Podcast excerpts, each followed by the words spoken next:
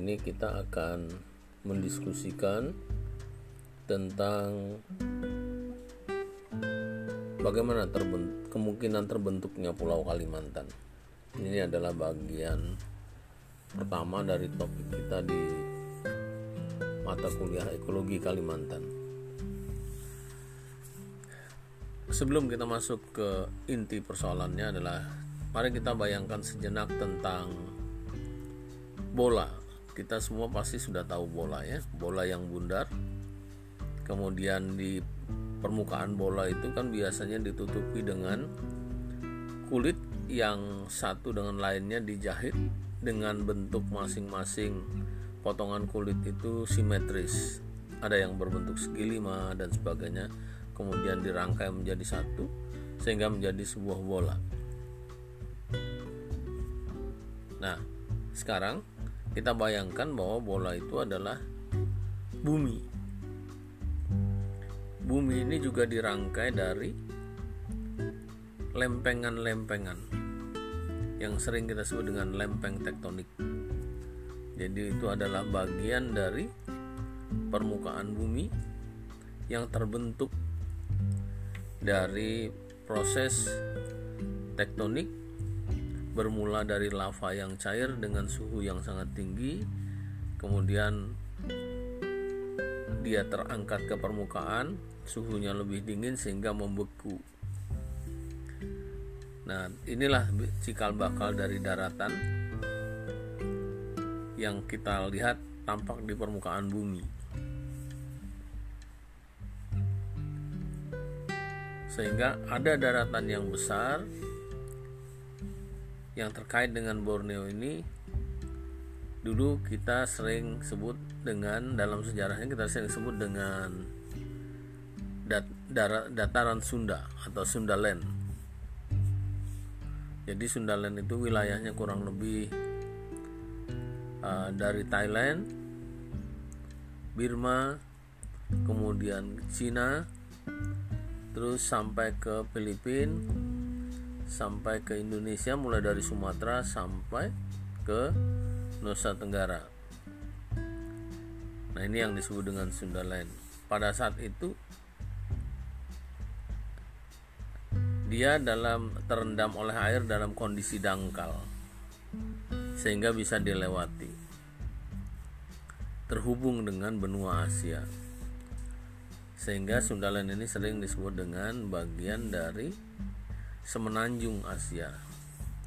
Nah, begitu es mencair dan airnya semakin dalam, maka putuslah antara Asia dengan bagian Indonesia ini oleh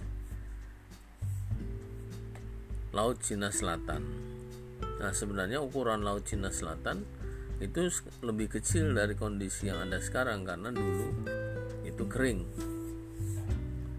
namun setelah permukaan air meningkat, maka air menggenangi sehingga kita harus naik kapal. Jika menuju ke India lewat Selat Makassar. Maaf, dari lewat Selat Sumatera, Selat Malaka ya, lewat Selat Malaka. Nah, ini. Nah, di sana terdapatlah Pulau Borneo. Nah, Borneo ini sebutan dari Kalimantan. Jadi bisa dikatakan bahwa, Borneo itu terbentuk menjadi bagian dari semenanjung Asia. Sehingga dia terbentuk dari sedimentasi yang berasal dari Asia.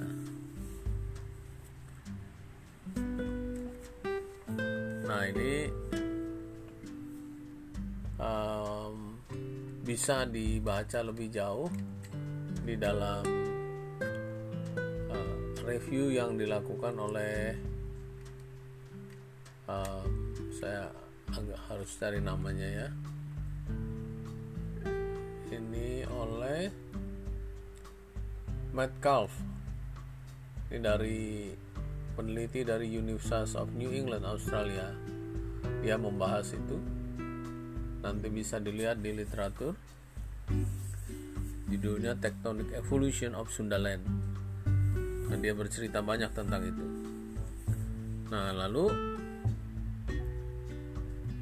pada kenyataannya kita lihat sekarang kalau tadi di, diperkirakan materialnya berasal dari benua Asia yang tererosi sehingga membentuk daratan yang besar yang bernama Pulau Kalimantan. Maka sekarang dengan bukti yang kita lihat di pantai timur Kalimantan itu banyak sekali kita bisa temui gunung kapur atau kars.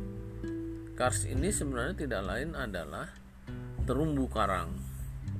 Dan kita kenal sekarang terumbu karang itu hidupnya pasti terendam di perairan laut. Laut dangkal pasti ya. Karena terumbu karang itu harus hidup dengan um, cahaya matahari karena dia memerlukan cahaya untuk berfotosintesis. Nah, di pantai timur Kalimantan Selatan misalnya kita dapat uh, de, kita dapati sederetan gunung kapur di daerah Cantung yang memanjang dari selatan menuju utara. Kemudian juga di sebelah timur kita dapatkan ada gua Kongbeng sekarang di Kalimantan di Kutai Kartanegara. Terus kita naik lagi ke atas kita dapati Sangkulirang di situ juga banyak uh, gunung-gunung kapur. Sehingga teorinya juga demikian. Jadi bis, uh, orang berasumsi bahwa Pulau Kalimantan juga terbentuk dari permukaan laut yang terangkat atau tersingkap. Sehingga terumbu karangnya itu naik naik ke menjadi daratan. Maaf menjadi daratan. Yang disebut dengan pegunungan kapur itu. Jadi kalau kita gabungkan dengan pendapatnya McCaffrey bahwa Pulau Kalimantan itu mungkin saja terbentuk dari endapan yang berasal dari Asia dan bagian bawah laut yang tersingkap atau terangkat ke permukaan. Nah, inilah sebenarnya yang mewarnai bentang alam di Kalimantan. Ada daratan yang terbentuk dari lapisan tanah yang merupakan sedimentasi dari dari Asia dan kemudian ada bagian yang merupakan pengangkatan dari bawah laut. Yang yang ini masih menjadi bagian dari lempeng Asia. Hal ini bisa terjadi karena lempeng Asia ini didesak oleh lempeng Pasifik. Jadi di sebelah dari lempeng Asia ini ada lempeng Pasifik. Nah, sehingga kalau kita lihat Sundaland yang sangat besar ini dibagi ada ada blok Cina ala blok Cina Selatan. Ada blok Cina Utara kemudian ada blok ada Sundaland bloknya. Jadi blok Sundaland dan ada itu berbatasan dengan patahan Filipina. Dan dia juga didesak dari sebelah barat oleh uh, patahan India sementara dari selatan itu adalah patahan dari Australia yang mendorong bagian selatan Jawa dan bagian barat dari uh, Sumatera. Nah, diperkirakan malah dalam waktu yang tidak terlalu lama ini benua Australia yang merupakan potongan atau lempeng Australia akan mendorong Papua dalam waktu yang tidak terlalu lama. Nah, inilah yang menjadi cikal bakal terbentuknya uh, Sundaland. Nah, kita akan membicarakan lagi nanti dari sisi antropologisnya, artinya dari manusianya, dari karya manusianya, kira-kira Kalimantan itu seperti apa. Ini merupakan bagian penting dari ekologi Kalimantan. Baik, jadi dari sisi geologis sudah kita diskusikan. Terima kasih untuk perhatiannya.